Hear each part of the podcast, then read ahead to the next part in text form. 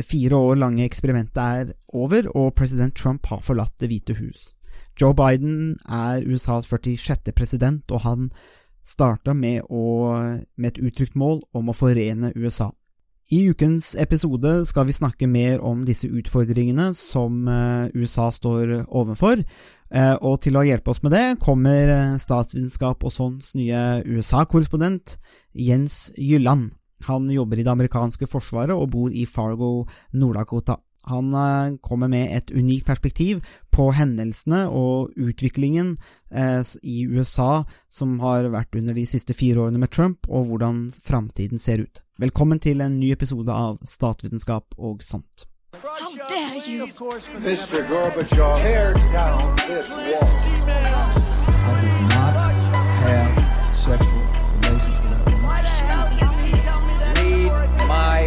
my. Hell yes, we're gonna take your AR-15. It's waiting I have a dream.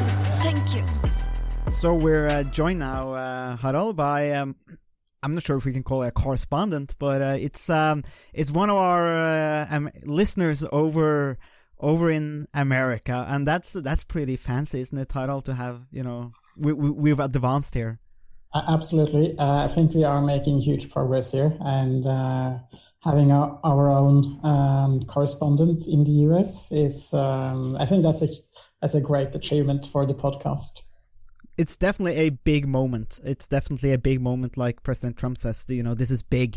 So we we welcome in here on Zoom, uh, Jens uh, uh, or I, I want to say Jens Jylland because you're actually Norwegian or Norwegian American, right? Yeah, you can say Jens. Jens Jylland. Jens Jylland. Yeah, well, I mean, it's pretty cool, right? We we know each other. We we, we met a few times before, um, in in America, um, and it's you know, as as I said, uh, you're a listener uh, as well to the podcast. We discuss we discuss uh, some of you know the politics and football. You know how bad the Vikings are, which is a you know favorite topic of mine. Um, Go Packers in the Super Bowl, hopefully. Um, but um, but yeah, and we we're talking about the politics, and so and we you know we've been talking about for a while, um, and with the election now of Joe Biden and the whole election campaign, it seemed to be like a good opportunity opportunity to bring you on, and you know just to you know to get this rolling, Jens could you just you know introduce yourself to the listeners and you know where you're at in America and your position and all that. Yeah, thanks for having me on. Um, to uh, describe myself, uh, kind of orientate uh, where I'm at for you guys and your listeners. Uh, I live on the border of western Minnesota and eastern North Dakota in a border city. So uh, this area is uh, it's called the Red River Valley. It's it's a very flat area and it's rich in farmland. Some of the richest farmland in the world. Um, so the economy is driven by farming and agriculture, and uh, so um, we have a lot of farmers, and that goes to say it's a very rural area. And we have a lot of Trump supporters. This is Trump country where I'm at. That's not to say there isn't Democrats and liberal minded people here, um, but uh, for the most part, it's dominated by conservatives. Mm, I, and I guess Minnesota, you know, is also sort of divided, right? You know, we have the big Democrat strongholds in Minneapolis, St. Paul, I guess, and then you know it's more of that Trump con- or Republican country around it, right? Yeah. So being a resident of Minnesota, all my votes go to Minnesota. Uh, Minnesota always goes Democrat. It always elects a Democrat president. Um, local politics is a little different. Um, you get a mix and match of Republicans and Democrats. Um, the cities, when I, when I refer to the cities, I mean the cities of Minneapolis and St. Paul, Minnesota. Um, that's the the most densely populated area of our state, and they are by and far uh, liberal or vote Democrat, and then the rest of the state is conservative. Um, there are some other spots, so like Moorhead, Minnesota, where I live, um, skews a little more liberal. Mankato, Duluth, but for the most part, it's the the, the Twin Cities that uh, are are uh, Democrat. Mm-hmm. Yeah, and just you know, um, as well, you know, to mention it, your you know your profession as well. I mean, you you, you said I think that you're you know you're you're educated as a teacher. Is that is that is that right?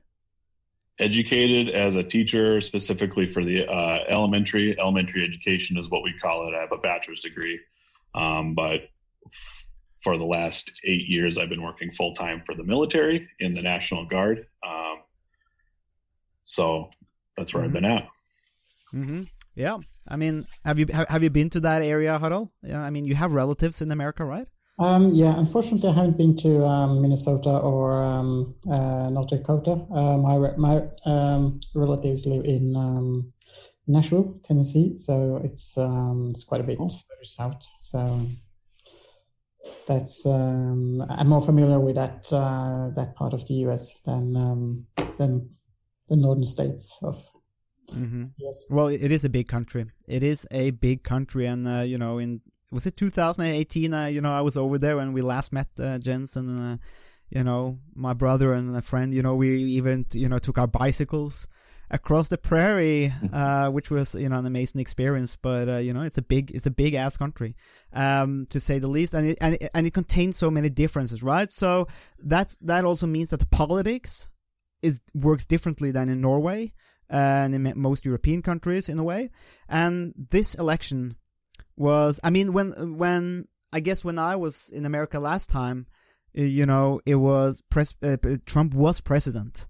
Uh, and how would you, you know, if we can just start there, how would you, you know, your impression of the four years of Trump from you know, Uh, your, from from your perspective? my my perspective the last four years has been a complete circus uh, with a lot of clowns and trump being the chief clown um, uh, i am so relieved that hopefully our next president uh, president biden will not uh, legislate make executive orders or uh, delegate by twitter anymore um, i'm I think myself and the majority of Americans are exhausted by Twitter, the, having the president on Twitter. Um, yeah, it's just it was a complete shit show. But but do you, do you, do you feel fatigued? I mean, I, I was watching I was watching um, some uh, you know Trevor Noah, the Daily Show with Trevor Noah, and they have this reporter that goes you know among you know the the, the Trump supporters and um did a lot of these stunt. Uh, bits, I guess, and then, but but but I thought one one interesting reflection was that in the rallies leading up to this election, he his remark was that it seemed a little bit flat. It seemed like the air had somehow gone out of the balloon. Is that is is that like a general notion that people a little bit fatigued of this, you know, this show? yeah, um, I think oh, when they when Trevor Noah was doing that, or kind of towards the end of the campaign here before the election, people could kind of feel a sense of yeah, this wasn't going to happen.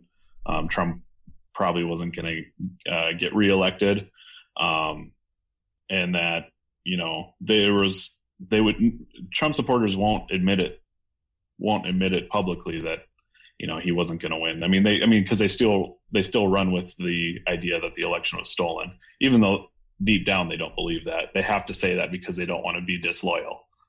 And you'd see that with politicians too. Politicians don't want to be disloyal. So they they they run with the lies and we saw the culmination of those lies in the January 6th event, but um yeah, there is some kind of cognitive dis- dissonance uh, with Trump supporters. They they know that the candidate they support isn't really a good guy. He hasn't really done much for America, but at the same time, it, they have to stay on brand as a Republican as conservatives because they're fiercely loyal, fiercely loyal. Mm. So, uh, you know, in terms of this election, then you know, just just give us, you know, how did it? You know, it's you know, we we we only get the the election from you know our news media. Uh, you know, we're not in America, and obviously, also given Right. COVID, it's a bit more difficult. But you know, on you know, from your perspective, you know, in North Dakota, Minnesota, you know, how did you sort of what, what what was your impression or main takeaways from this camp from the campaign leading up to the election? The Trump campaign uh, specifically, both, I guess, for both campaigns. Um, yeah, it was business as usual for the Trump campaign, and with you know the circus that he brought. Uh, he visited Fargo multiple times to rallies, um, and uh, the the kind of the general mood was, yep, the you know MAGA, make America great again, keep America great again. Um, so for Trump supporters, it was business as usual. Uh, the Biden campaign was was weird. Um, no rallies. Um, you know, the joke was he was in his basement, so we didn't see him much. Personally, I think that was a good thing because he let Trump beat himself then. Um, mm. So, uh, but you know, among among Democrats, there's there's people recognize that you know Biden is better than Trump. At least we have that. But then there are there's a segment of the Democrat Party that isn't happy with Biden because he's an institutionalist. He's the establishment, and they want more progressive candidates and more progressive ideas.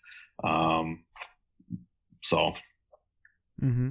yeah, how how do you seem? You know, when you when you hear the word institutionalist, you know, some, something something clicked. Exactly. Yeah.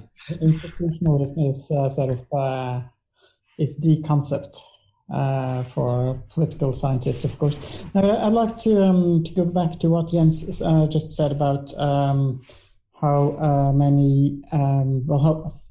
Um, well, the, the, idea that lots of uh, Trump supporters are um, pretending to be or appear quite loyal to Trump and sort of to the the, the brand or to the idea of um, of Trumpism or what what you want to call it.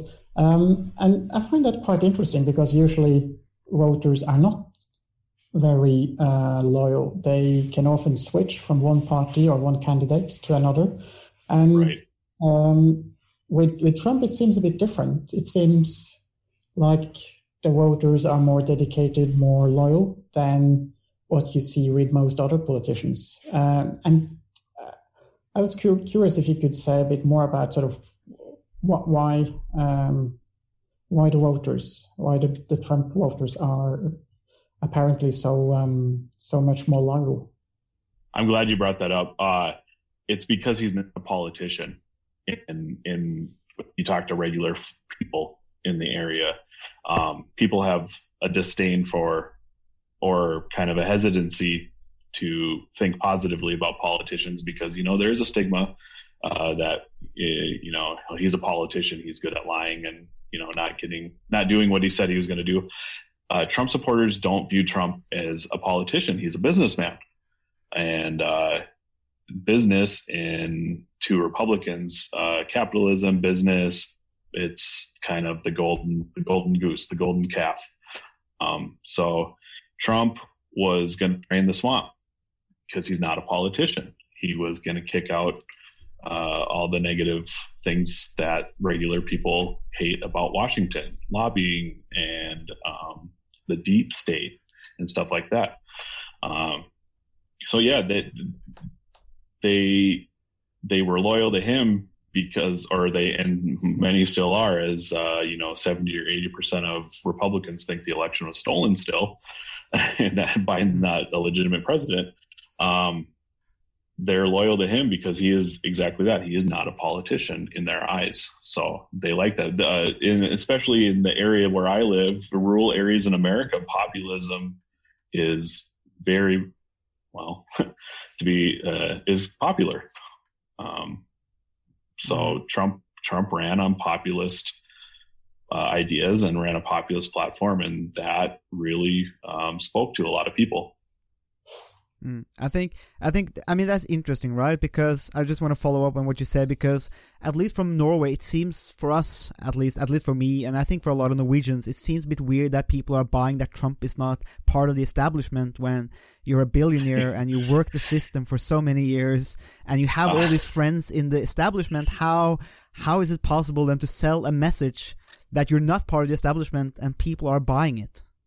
That's the cognitive dissonance. That's the part where they're lying to themselves that I mentioned earlier. It's they just kind of tune that part out that that um, Trump is from New York. He has nothing in common with the heartland of America. When I say heartland, I mean rural farmland America. The farmers, uh, he he is not them, but they think he is. And I mean, if I could explain it, I probably wouldn't be working where I am right now.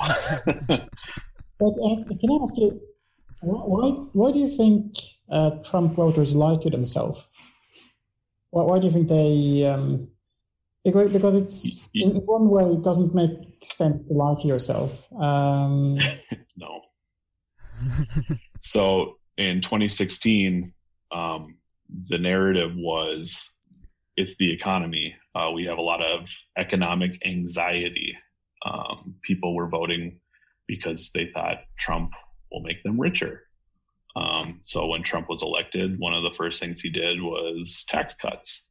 But those tax cuts didn't go to everyday people, they went to his friends in Wall Street. And uh, again, it's just it's a mystery. I, I can't explain it, but that is that that economic anxiety is the narrative of why they support him. Mm. But you know, when in terms why? of those you know tax cuts, now that you mention it, I'm not I'm not going to ask you you know like earnings and how much, but has it impacted, for, for example, you? You know, I mean, I mean, you're you know in in the armed services. I mean, so so, yeah. so you would be you, you you would be like a sort of like a blue collar like American you know, working that, you know, blue chip, you know, working that, you know, that kind of job. It's like, have you benefited? Like, do you feel like you benefited personally from all these tax cut and all these, you know, less like reg- regulations? Myself, no, because I'm a federal employee. Um, I haven't, and luckily, thankfully, I haven't been affected by COVID or, um, and I, but I haven't been affected negatively that way, but I wouldn't say I was I've been affected positively by any Trump um, Trump tax cuts. Uh, the people that may have seen a positive effect uh, from the tax cuts would have been business owners um, and stuff like that. Um, I'm not I'm not an uh, economist, so I, I don't want to uh, delve too far into that. But that's just kind of what I've seen from my position. Mm-hmm. So, I mean, that's you know, it's interesting. You know, this cognitive dissonance, as you mentioned, um, and and and, and obviously, uh, seventy four million people voted for Trump. You know, it's a record. Right. You know, and in almost any other election, you win. Uh, and then you had over 80 million people voting them for Joe Biden in, in, in an election, you know, with a record turnout, which I which I think you know it's encouraging signs in many ways. Um, but then you have the election night, and Trump, you know, declares sometime during that night that he won, even though, you know, there are tens of millions of votes yet to be counted.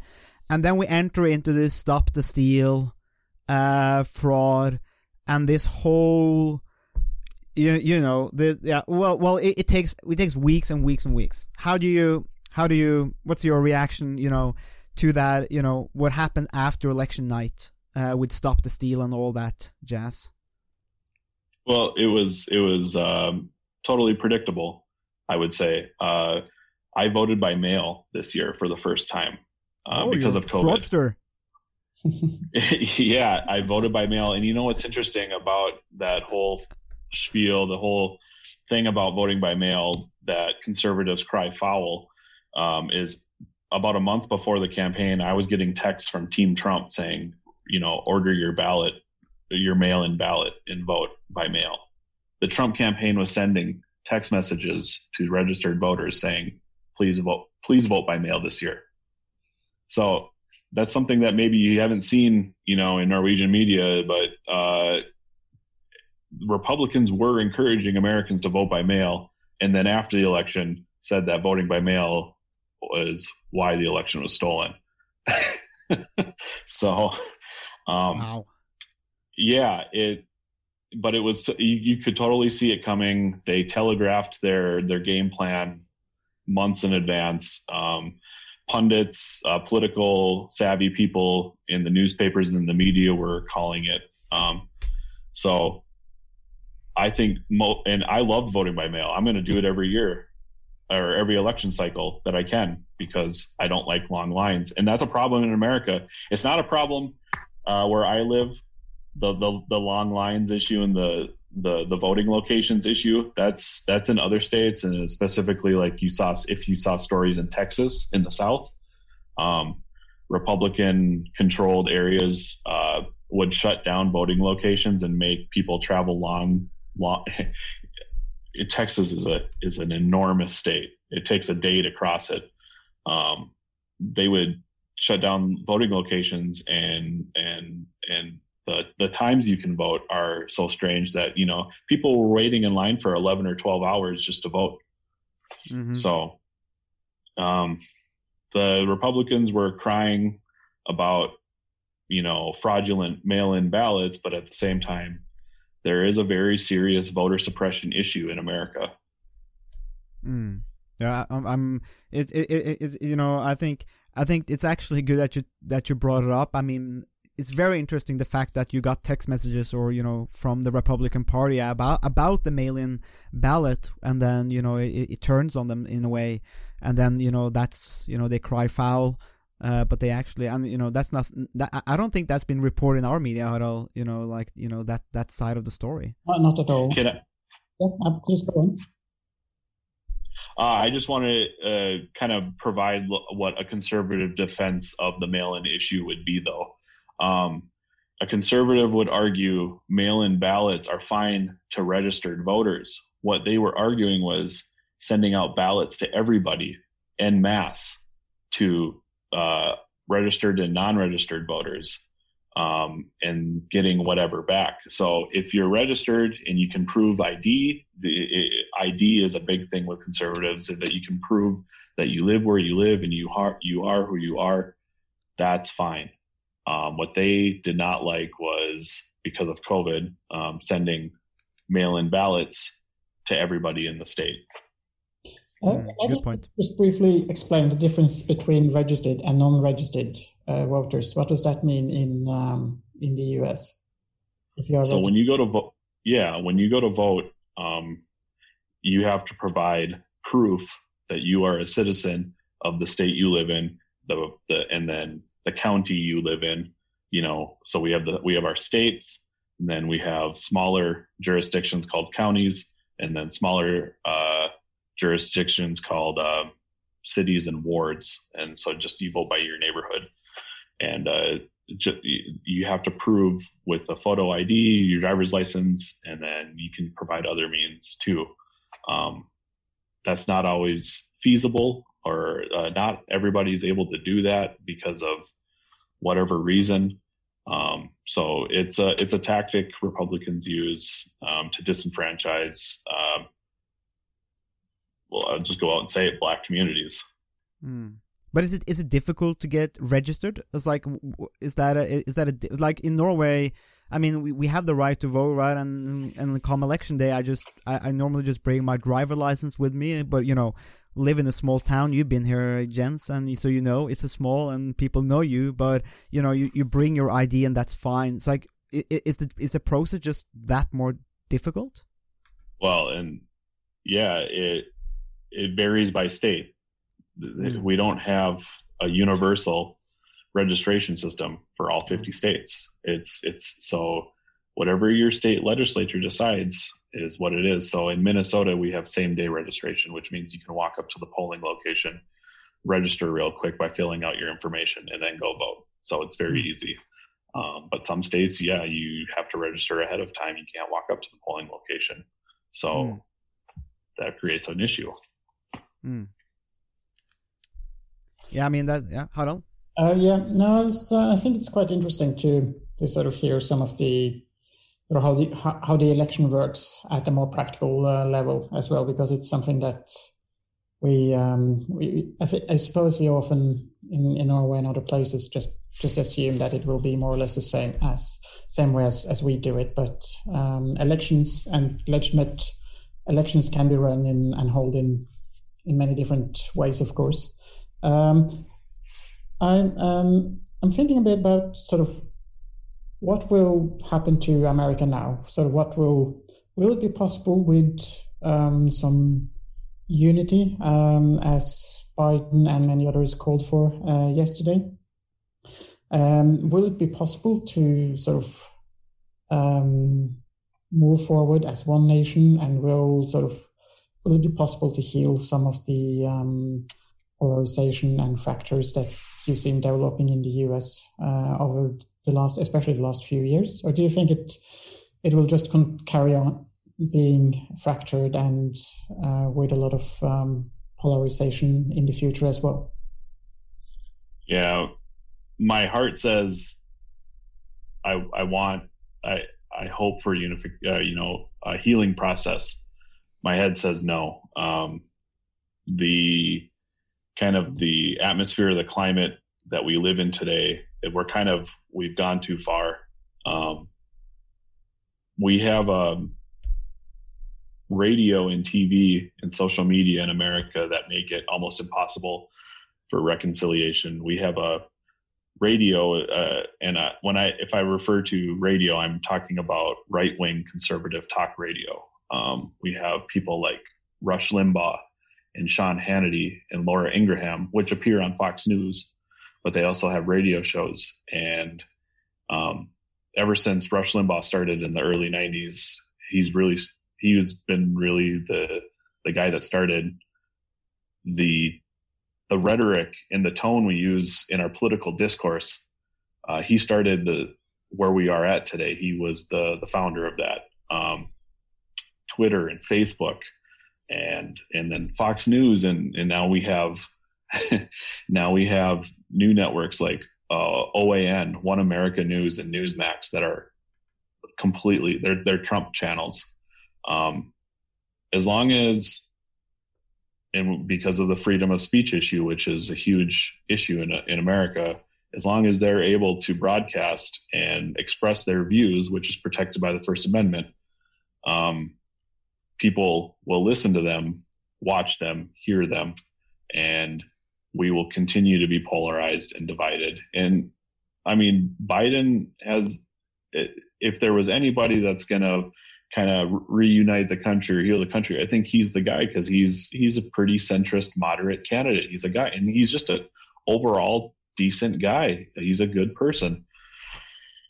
Unfortunately, um, Americans are addicted to outrage and uh, divisive uh, um, rhetoric and discourse, and uh, they just they're it won't happen. That that's my my prediction. But, but can I just ask, like, jump in here, um, because you know now that we're on the topic of polarization, because we use the term so so often, but like in your daily life, like, do do you do you feel it? Are there areas where you feel it? Do you feel like is it difficult to discuss politics with friends? Do you watch different news in families, or is there stuff you can cannot cannot talk about in your family? Or I mean, it's like I know your family. I think they're you know they're um, you know quite open you know when it comes to that but i'm i'm think i'm thinking more in general like do you feel do you feel is there a feeling that it's more difficult to talk about issues that you know that you disagree on or you might have disagreements on? Is that a per, does it affect you personally or do you see it around you or is it something, something that we just talk about on a national level?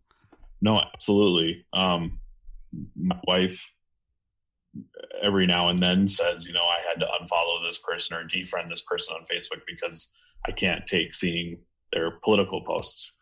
Um, at work, um, it's a it's a really uncomfortable issue to talk about uh, politics because we can't we can't talk as rational people anymore. There's so much emotion; it's so emotionally charged um, that it just it's not a comfortable situation. And so your family and your friends and your coworkers and the people that you live and work with every day, um, you know, you want you want to get along with them, and Trump has Trump has changed the discourse so much so that we can't have adult conversations anymore. It's mm. it turns into name calling and it turns into you know accusations and stuff like that. So it's it's a really sad state of affairs.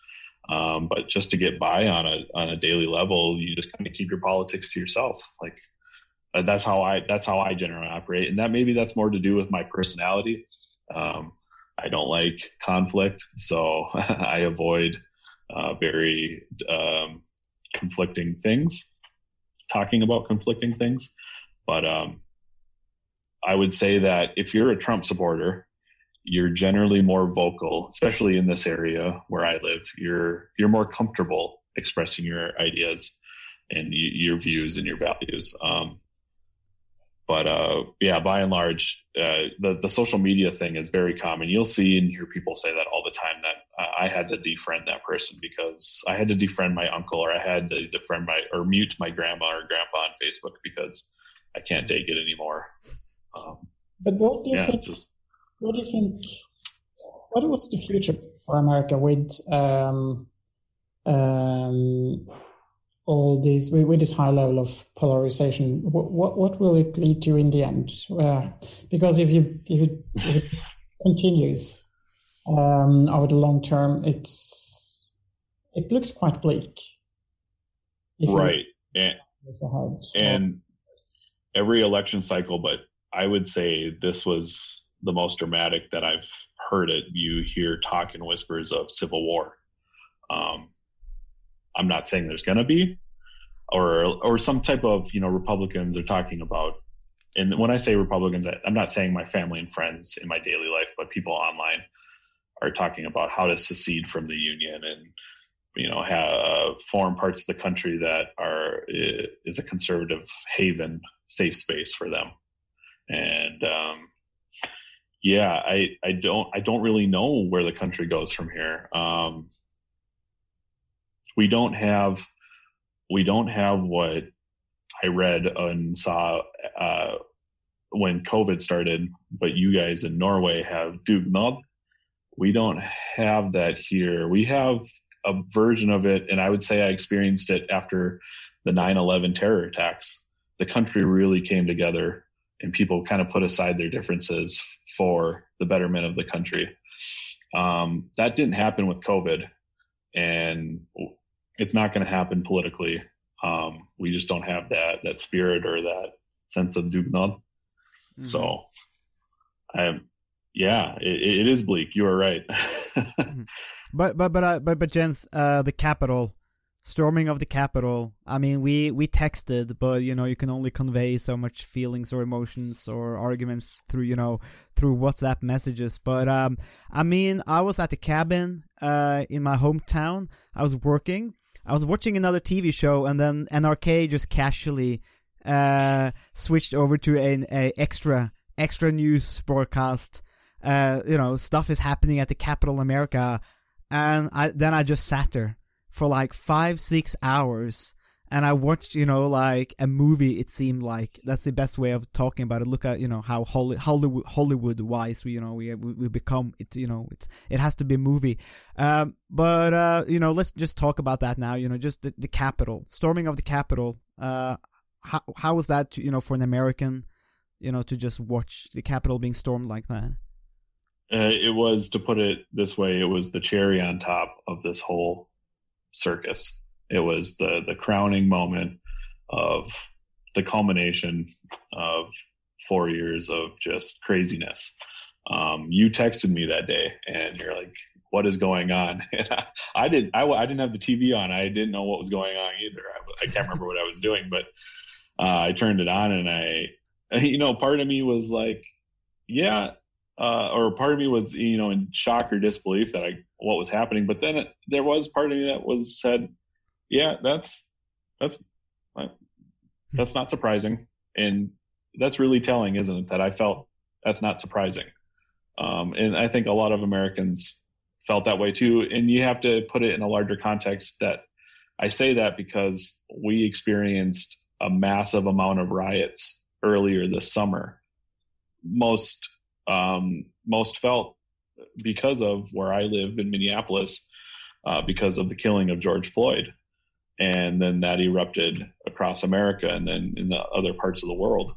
Um, so, yeah, it's a really contentious time right now. Um, so, seeing the Capitol stormed, yeah, I, we've never seen that before. But at the same time, we've seen a lot of violence throughout the summer. So, it, we've kind of become desensitized to it. Um, Mm. yeah. Um, I read a survey not long ago um, where uh, both Democrats and um, Republicans were interviewed, and um, a very large proportion of both Democrats and Republicans answered that uh, they thought it was sort of acceptable to use political violence. I think it was around 35% of the Democrats and 45% of the Republicans. And to me, that's that's a very sort of high number, and um, that number increased from like five to ten percent a few years ago, and, now it's around forty percent for both um, Democrats and and Republicans on average.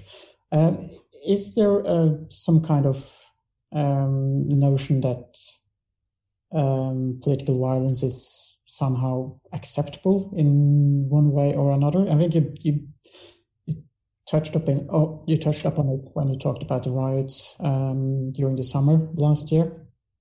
But is is there a feeling that political violence is acceptable in the US at the moment, or is is the the survey maybe exaggerating the um, the numbers?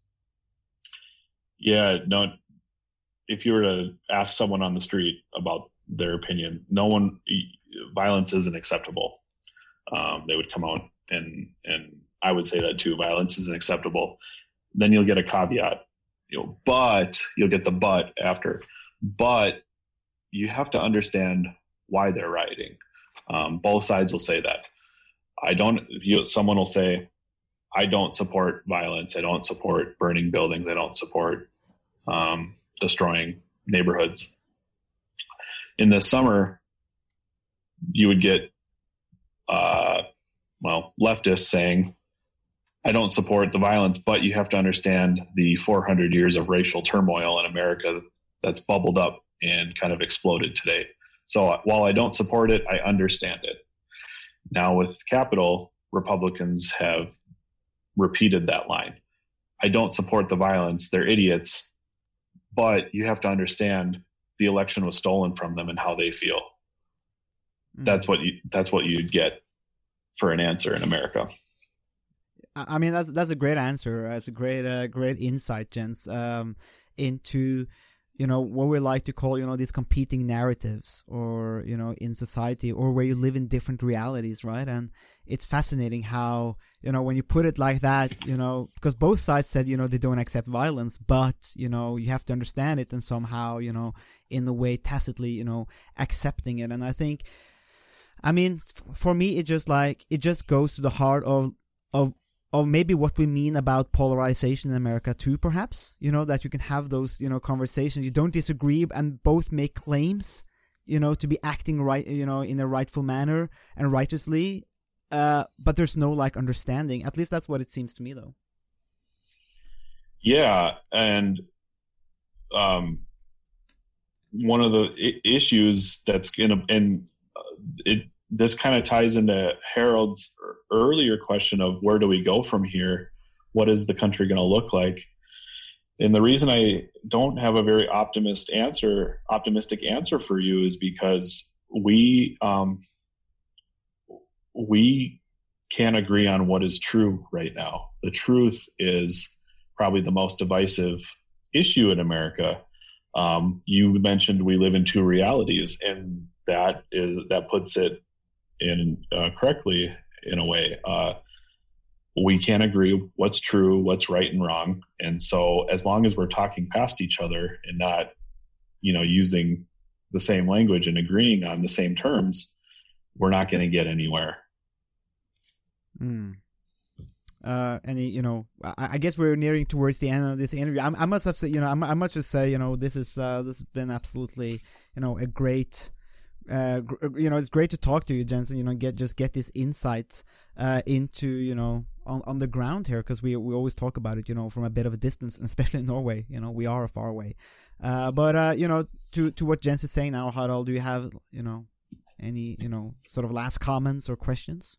Well, I think it's been really terrific to, uh, to have this conversation, um, and I think we've covered quite a lot. And uh, hopefully, uh, we've sort of covered some issues and aspects of the um, debate that's not um, so often uh, covered in Norwegian by Norwegian media and uh, by the mm-hmm. Uh, public debate. So I think it's been really, really nice to um, that we could have this um, this conversation today, and um, um, I, I, learned a lot uh, from from listening to Jens, and um, I hope maybe we can uh, repeat this um, in the future as well. Yeah, for sure. Uh, for sure. I mean, Jens, you you, you now. I think you, you you might might just have uh, nailed your interview to become uh, our the the podcast's uh, you know America correspondent. I think you got the job, man. Yes, we did. Thanks. Uh, it it was fun to be on. Um, big fan of the show, and uh, yeah, I hope to do it again. Uh, forhåpentlig uh, kanskje i framtiden kan jeg uh, gjøre det på norsk.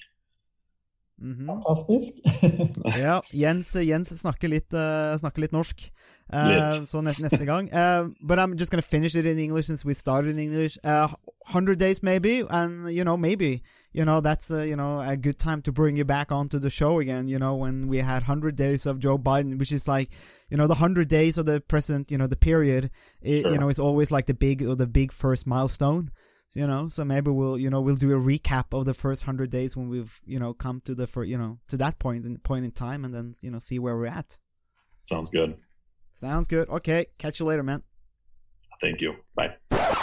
Ja, Harald. Um, første første utenlandsopptreden, holdt jeg på å si, på, på stat, statsvitenskap og sånt, med vår nye, nye USA-korrespondent uh, Jens. Mye interessant der. Uh, hva tok Ja. du fra den samtalen? Nei, Jeg syns det var veldig spennende. Og det er utrolig flott at vi fikk til en uh, samtale med, med Jens i dag. Mm. Uh, jeg jeg syns det var veldig interessant, uh, egentlig veldig mye av det som, som Jens sa.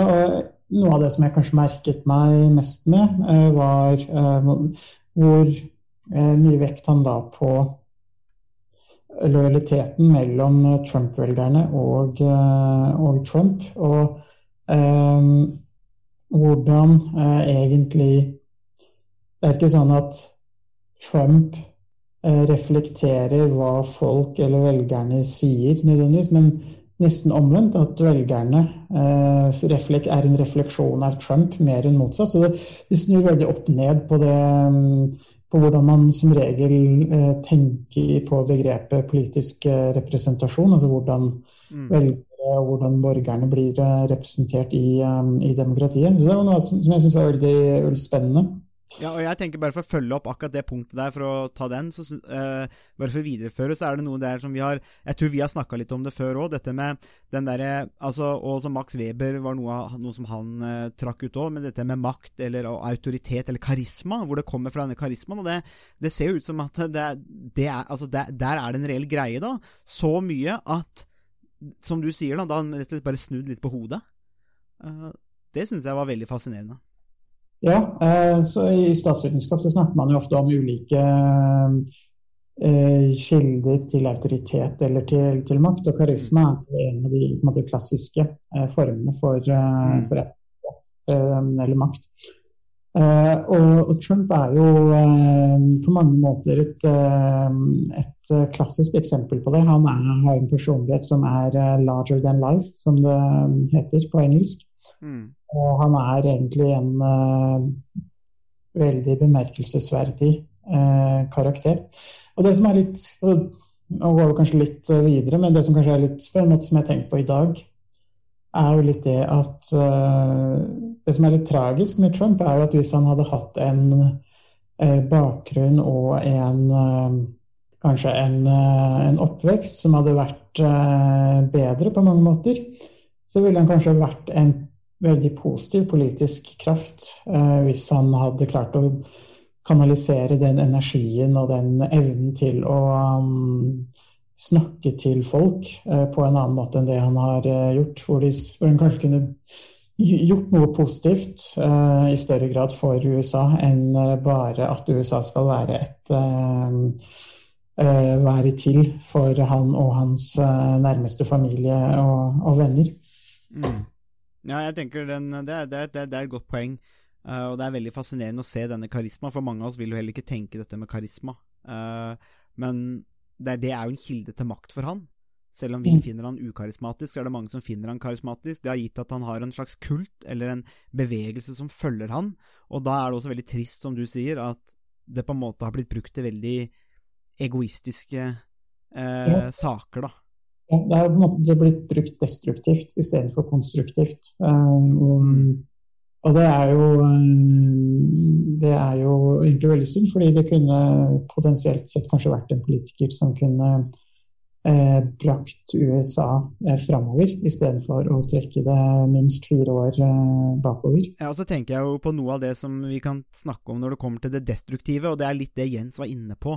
Eh, og det er nettopp det at eh, den, denne perioden med Trump har, har, har påvirka lokalpolitikk, regionalpolitikk, og dratt det ned i gjørma. Altså han, han, nevnte vel i, men Det var vel etter intervjuet vårt òg, hvordan på en måte man stilte opp med sånne skilt der det sto Trump, og så sto det måte, kandidaten under. Så man brukte Trump som merkevaren, og, og, og gikk for det. Men, så det var lite selvstendighet. Det er lite rom for denne selvstendigheten og egne tanker, egentlig. Man har bare fulgt denne Trump, eh, litt sånn blindt. Eh, og på en veldig uheldig måte, og også bidra til å dra diskursen og den offentlige samtalen ned i gjørma, og det tenker jeg er en, er en ganske alvorlig konsekvens, som, er, som går, går, mye djupere enn bare skattepolitikk og noen dereguleringer, fordi at eh, det kan man jo argumentere for og imot, og man kan jo gjøre om det vedtak og sånne ting, men når, når, mennesker begynner å prate, den, eller diskursen blir dratt ned i gjørma, og man ikke klarer å prate sammen, det var Jens inne på, man, rasjonaliteten har på en måte for, forsvunnet, da, så, så, tenker jeg at det er vel kanskje en enda mer alvorlig konsekvens av Trump-perioden enn mm. enn at det er noen milliardærer som har fått noe skatte eh, litt mindre i skatt, for det kan man jo justere med et nytt eh, politisk flertall, men det er mye vanskelig å reparere eh, altså tillit som er, eh, er, brekt og ødelagt. Da. Ja, og Jens var også litt inne på det, hvordan en del, kanskje spesielt Trump-supportere og republikanere, lyver litt til seg selv. Og mm. på en måte hvordan de, måte de, de rasjonaliserer og begrunner eh, de politiske standpunktene som de, eh, som de har eh, inntatt. Og det er også litt alvorlig, som vi også var inne på, det med hvordan man altså hvordan politikk har blitt en kamp om sannheten. Det er ikke at Man kan ha ulike oppfatninger av hva som er den beste skattepolitikken. Mm. og man kan argumentere for det ene og det andre. og så lenge man har eh, gode grunner for synspunktet sitt, så er det jo i og for seg greit nok. Det kan være legitime eh, argumenter både for skattelettelser og skatteskjerpelser. Eh, men det som, det som, er litt spesielt med amerikansk politikk under Trump, er jo at alle spørsmål har blitt nærmest sånn eksistensielle spørsmål på liv og død, hvor, hvor det handler om, om Amerikas sjel, nærmest noe som er ganske, ganske alvorlig. Um, og det, det, gjør jo også at uh, det som, jeg, som, Jens sa om polariseringen og hvordan, hva som er veien videre for USA, også er litt, litt interessant. Det er skremmende også, uh, samtidig, fordi det er ikke noen sånn opplagt vei ut av, um, ut av den situasjonen som man står i nå. Jeg, tenkte kanskje litt naivt eh, den 6. januar, da Kongressen ble storma, at det her kunne være et slags vendepunkt for at man på en måte innså at nå har vi gått for langt, nå har det gått for langt med den polariseringen man, eh, man har sett. Men eh, det har jo egentlig ikke gjort, eh, gjort, det. Man er, I dag så er man jo litt tilbake der man eh, var 5. januar med polarisering. og eh, Du var også litt inne på det hvordan eh, CNN sin eh, dekning av, eh, av innsettelsesseremonien i går også var litt preget av at man var litt Det var ikke noe kritisk journalistikk rundt Biden og demokratene. Det var en slags sånn En slags veldig sånn Triumferende dekning? Ja. Og, det, og det er heller ikke positivt. og det er bare egnet til å um, fremmedgjøre de som er kanskje eh, Som står litt på den andre politiske siden. Og Det samme gjelder jo Fox News. De var jo tilbake i dag, og i går også. Og var like polariserende overfor eh, demokratene som det de har vært, uh, vært, tidligere. Så det man ser, er jo at eh, de store TV-kanalene, de, de, de gjør sitt for å polarisere situasjonen eh, ytterligere, og uten å på en måte gå til, ta noen steg tilbake fra, eh, fra stupet. Og det er også litt skremmende. Ja, jeg tenker for å oppsummere denne podkasten og det som Jens rapporterte om, så tenkte jeg kunne bare skrive om Harold Lassos kjente definisjon om at politikk handler om hvem som får hva, når og hvor. I USA tenker jeg i dag så har politikk blitt å handle om hvem som har rett. Det var det vi hadde å by på i denne ukas episode av Statsvitenskap og sånt. Musikken er komponert av Robin Horvath, og Thomas Colato står for miksing og redigering. Du finner oss på Facebook, bare søk på statsvitenskap og sånt. Der kan dere komme i kontakt med oss hvis dere har spørsmål eller kommentarer. Der finner dere også aktuelle artikler, videoer med mer. Vi setter pris på om dere liker sida, og deler den med andre som dere tenker vil ha glede av å høre på podkasten.